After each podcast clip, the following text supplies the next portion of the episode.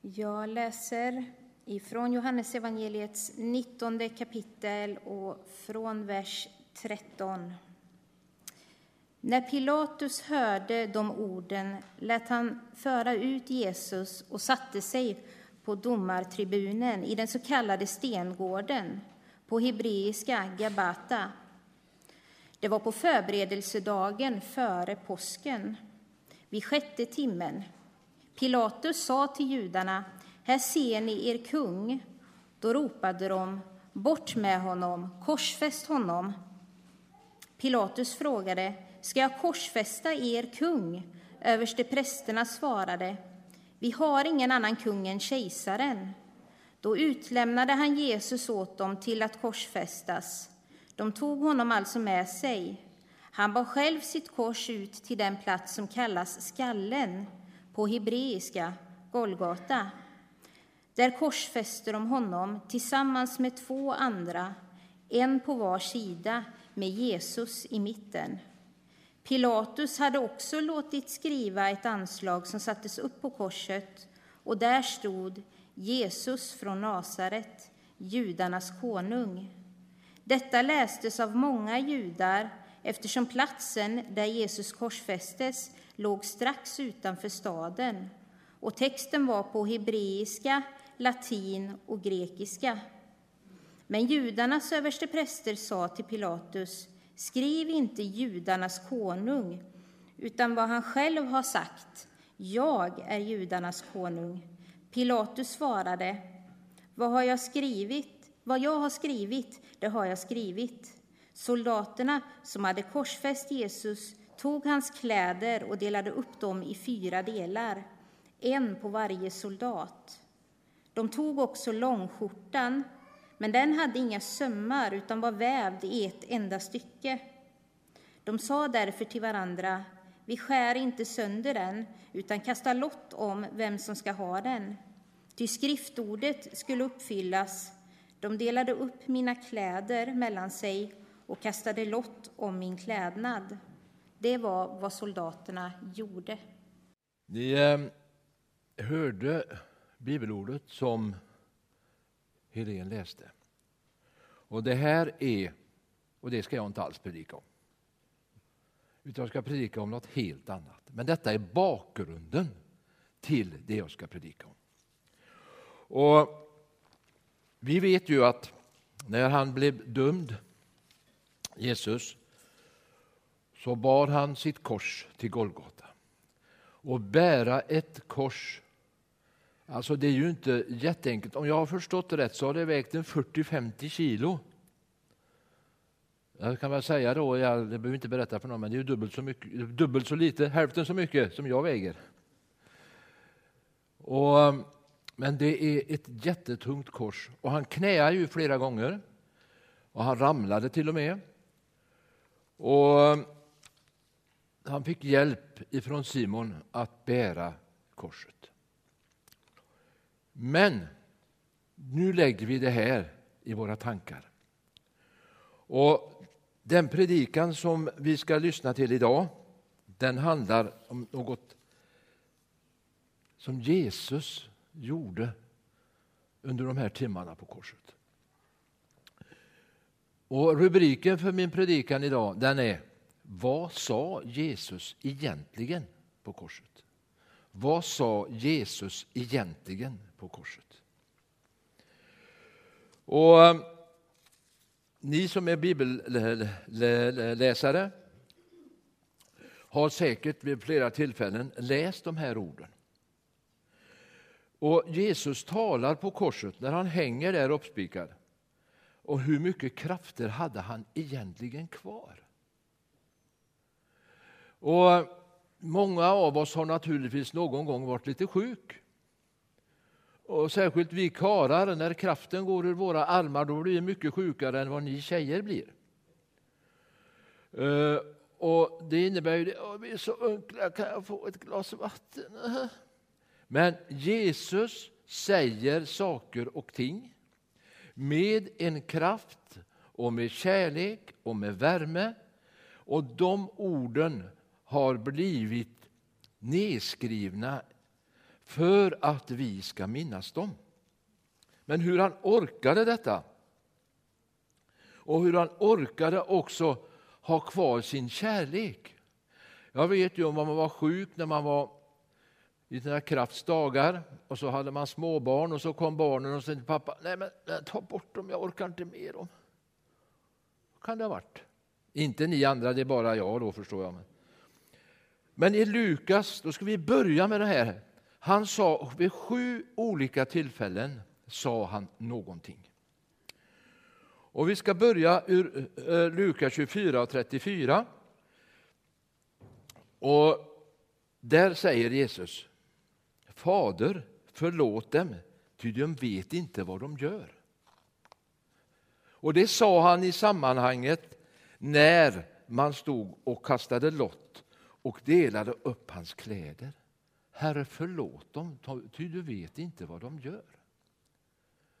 I sista stund på korset, innan han gav upp de här timmarna på korset, så bad han för dem som hade angripit honom.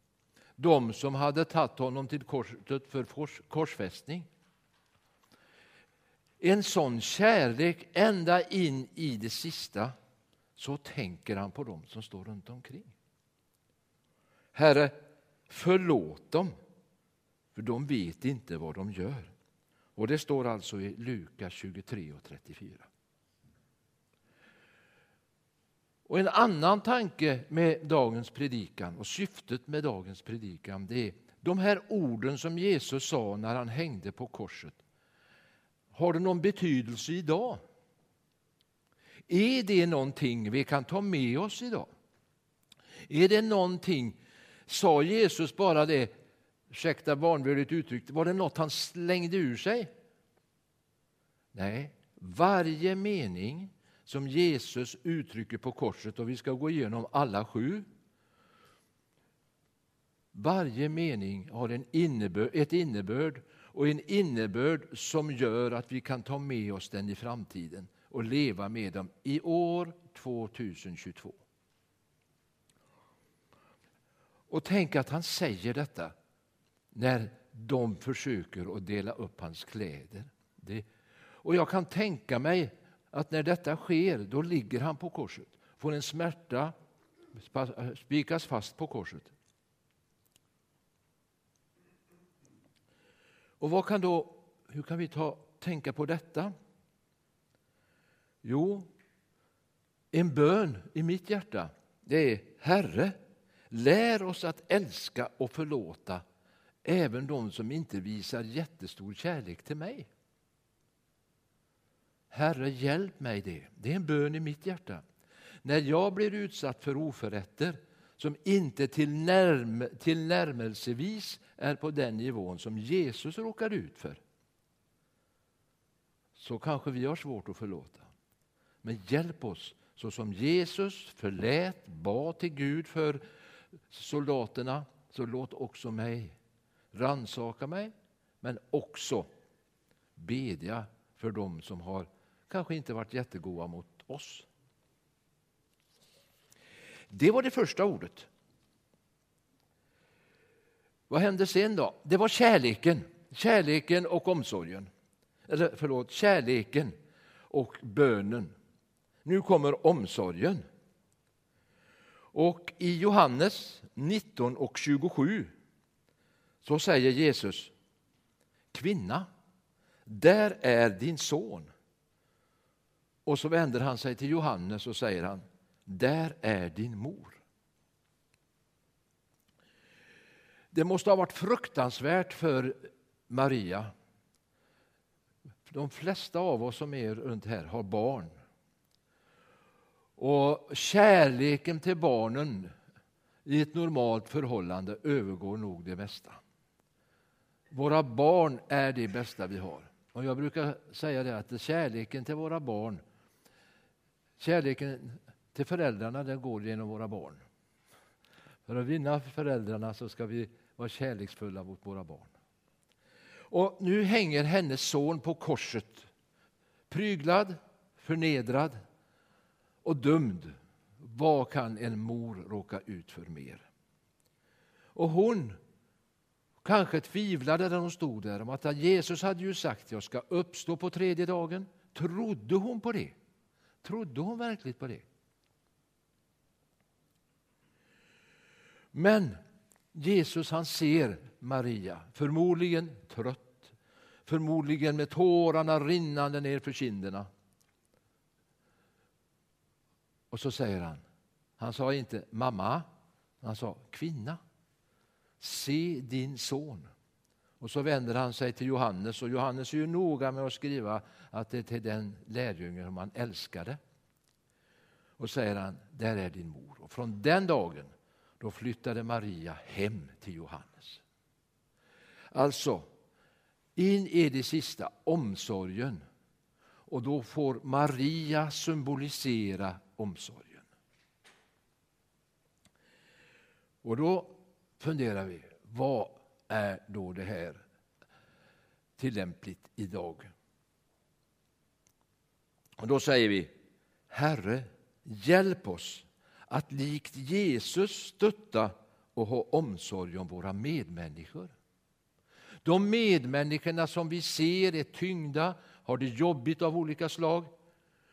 Låt inte kärleken försvinna, utan låt omtanken om dem som är tyngda också fortsätta. Och glöm heller inte i vilken situation Jesus var. För denna gudomliga son var människa här på jorden. Och han hade mänskliga smärtor och han led alla de kval som vi på jorden kan, kan uppleva. Ja, sen har vi mer kärlek, mer omsorg. Den tredje delen som jag tänkte belysa.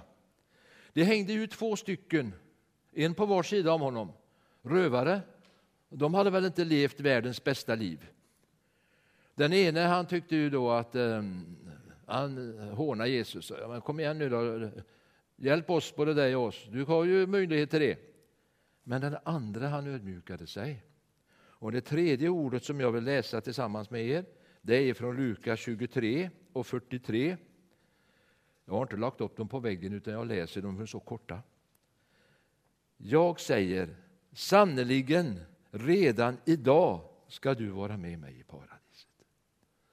Han räddar en rövare på korset. Och där, vad visar Jesus och vår Herre där? Jo, han visar sin outgrundliga nåd till oss. Man kan ju snacka om sista minuten för rövaren. Jag skulle nästan säga att han hade tur som korsfästes ihop med Jesus. Får man säga så? som kunde bli räddad innan han dog. Han blev räddad för han korsfästes tillsammans med Guds son. Och utifrån det ödmjukade han sitt hjärta och sa han har ju inget ont gjort. Fruktar du inte heller Gud, sa han till sin kompis. Och då säger Jesus dessa ord. Redan idag ska du vara med mig i paradiset. Och um, det visar ju eh, ytterligare om kärlek och att nåden räcker. Att nåden är så stor så att man kan få komma med ett ödmjukt och öppet hjärta till Jesus i alla situationer, i när som helst. Och han, eh, Jesus stod ju före honom. Så han började, oj, hur ska det här gå? Nu dog ju Jesus. Men han fick alltså uppleva detta när han hängde på korset.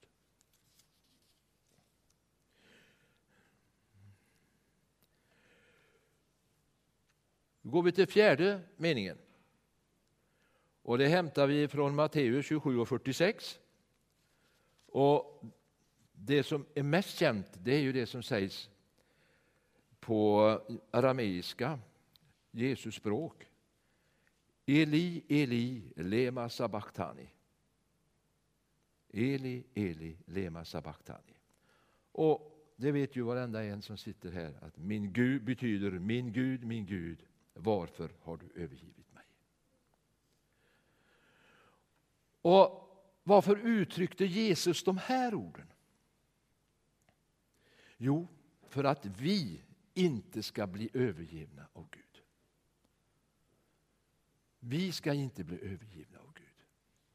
Det här ordet, efter tre timmar på korset sa han det. Och han var ju så tyngd av det här så han uttrycker en tvivel, precis ett tvivel som vi också kan drabbas av.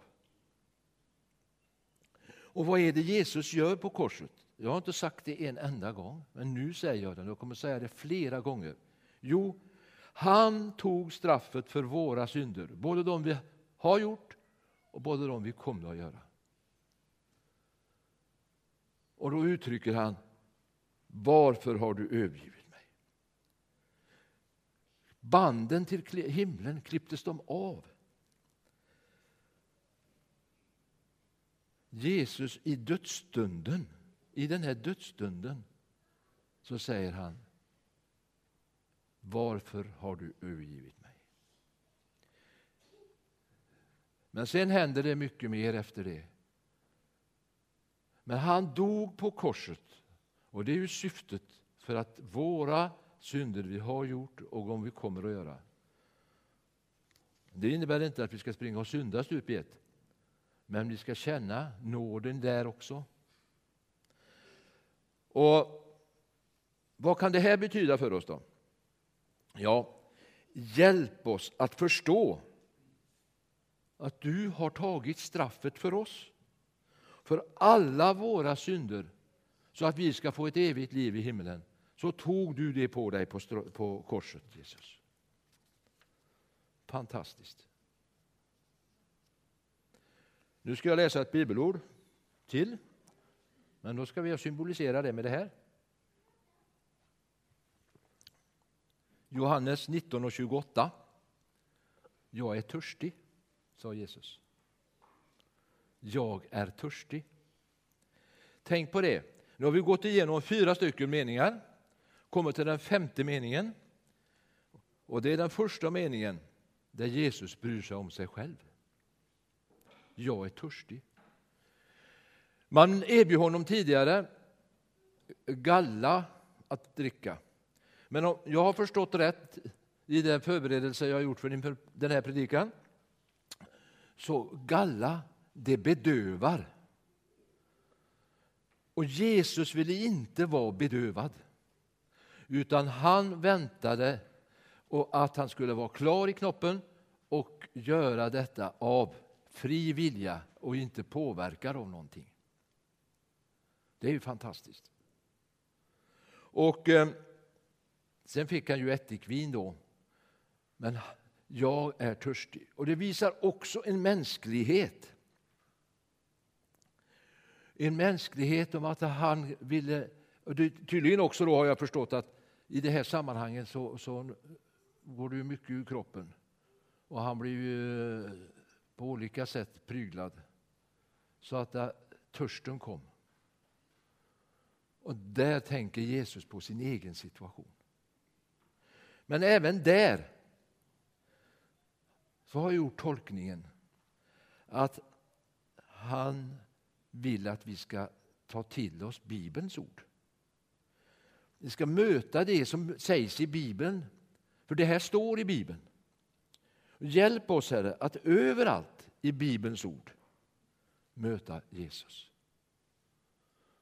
Glöm inte att han var människa, tog våra synder på sig och han var törstig. Och då säger han det. Ja, nu går sakteliga framåt det här. Så sa han en mening till. Vers nummer 6. Nej, mening nummer 6. Då är vi kvar i Johannes kapitel 19 och 30. kapitel 19 och vers 30. Och där står det, det är fullbordat. Det är fullbordat. Vad var det som var fullbordat då? försoningsverket mellan Gud och människa var fullbordat. Det vi människor inte förmådde har Jesus gjort. Alla synder är försonade. Han tog dem på sig.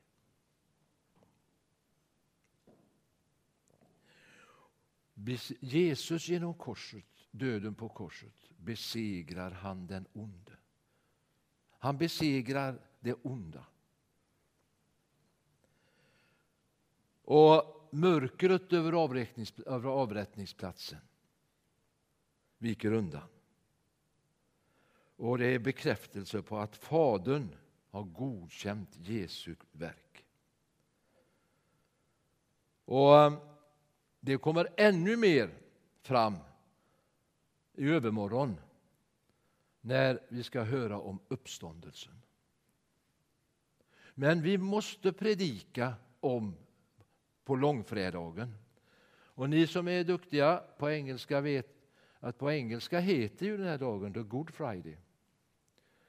Och det är ju faktiskt på det sättet att hade det inte varit någon död, då hade det ju heller inte varit någon uppståndelse. Och jag har svart kostym på mig idag. Det brukar jag ha när jag har nåden att predika på långfredag. Jag kanske skulle haft en ljus vit kostym som på ett bröllop.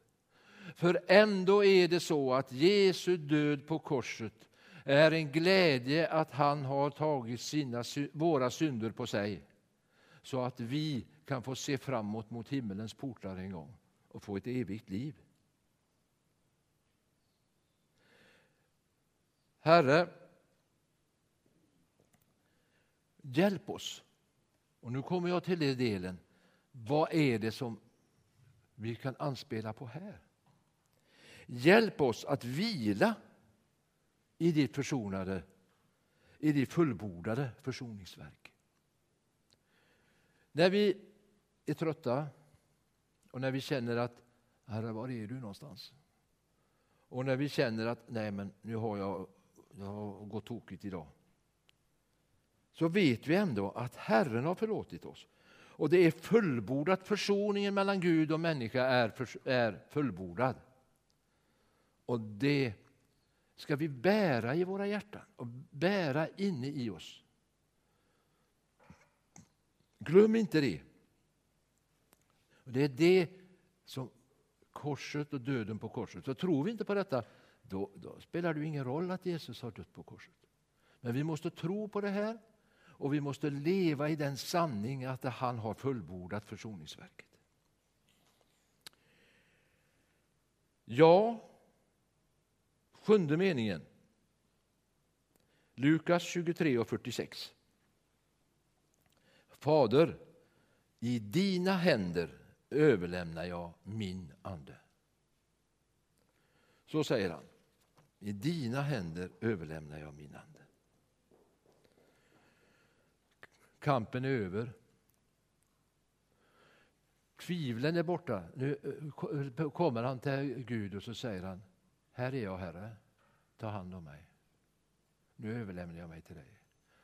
Och med, nu spekulerar jag, med i det så är rövaren på korset med in i himmelen, i paradiset.